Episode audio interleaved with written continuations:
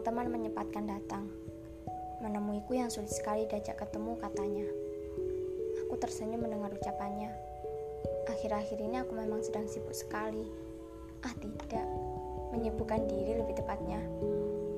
Alasannya tetap sama, sesibuk mungkin sampai aku lupa banyak hal.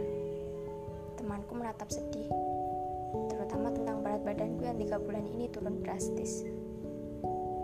Din, apa yang kau lakukan saat realitas menjatuhkanmu? Tanyanya tiba-tiba. Aku menghela nafas. Ingin sekali ku jawab. Menyuruh kopi sambil menatap langit-langit kamar ku hirup aromanya dalam-dalam.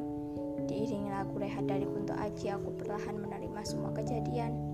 Bahwa juga semua manusia punya masalah. Tapi tidak, aku menangis semalaman